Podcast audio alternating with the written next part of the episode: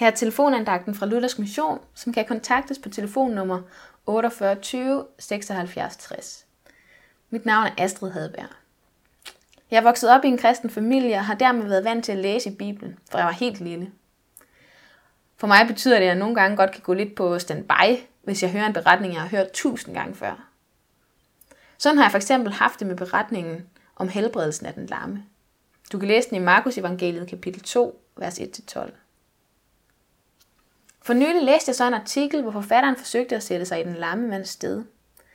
Det åbnede mine øjne for en ny vinkel på beretningen. Forestil dig, at du er den lamme mand. Du har hørt om Jesus. Du har hørt, hvordan han helbreder mennesker andre steder. Blinde får synet tilbage, spedalske bliver raske, og dødeligt syge får livet igen. Nu kommer Jesus så til din by, og dit håb er vagt. Han må kunne helbrede dig. Du har ikke selv mulighed for at komme til Jesus på grund af din tilstand, men heldigvis har du fire venner, som gerne vil hjælpe dig. Den ene ved, hvor Jesus holder til, så de tager din borger og bærer dig hen til det hus, hvor Jesus er. Allerede på afstand kan I se, at der er total kaos. Der er mennesker over det hele. I kommer aldrig ind til Jesus. Slet ikke med dig på en borger. Dit håb styrtdykker. Så bliver du nok alligevel ikke helbredt i denne omgang. En af dine venner får en vild idé. De kan fire dig ned gennem taget. Så kommer du direkte ned foran Jesus. Og det gør de så.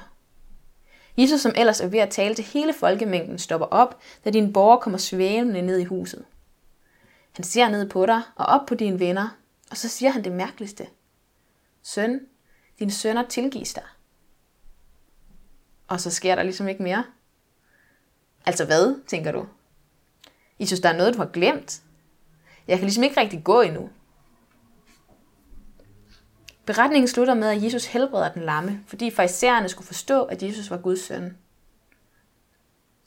Den nye vinkel, og det jeg ligesom blev stoppet op fra, var den her tanke, man kan forestille sig, at den lamme har haft. Og som jeg kender så godt fra mig selv. Jamen Jesus, du har jo ikke helbredt mig. Jamen Jesus, du har jo ikke hjulpet mig til at se, hvilket job jeg skal have. Jamen Jesus, du har jo ikke sørget for, at min forkølelse er forsvundet. Men sandheden er, at manden havde fået alt. Han havde fået Guds nåde og tilgivelse.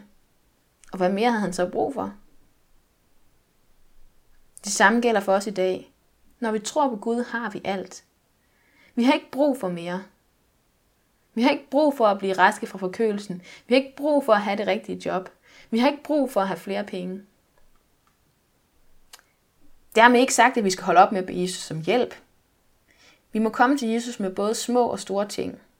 Men samtidig må vi vide, at gennem Jesus ejer vi alt, hvad der egentlig har værdi. Det er da fantastisk.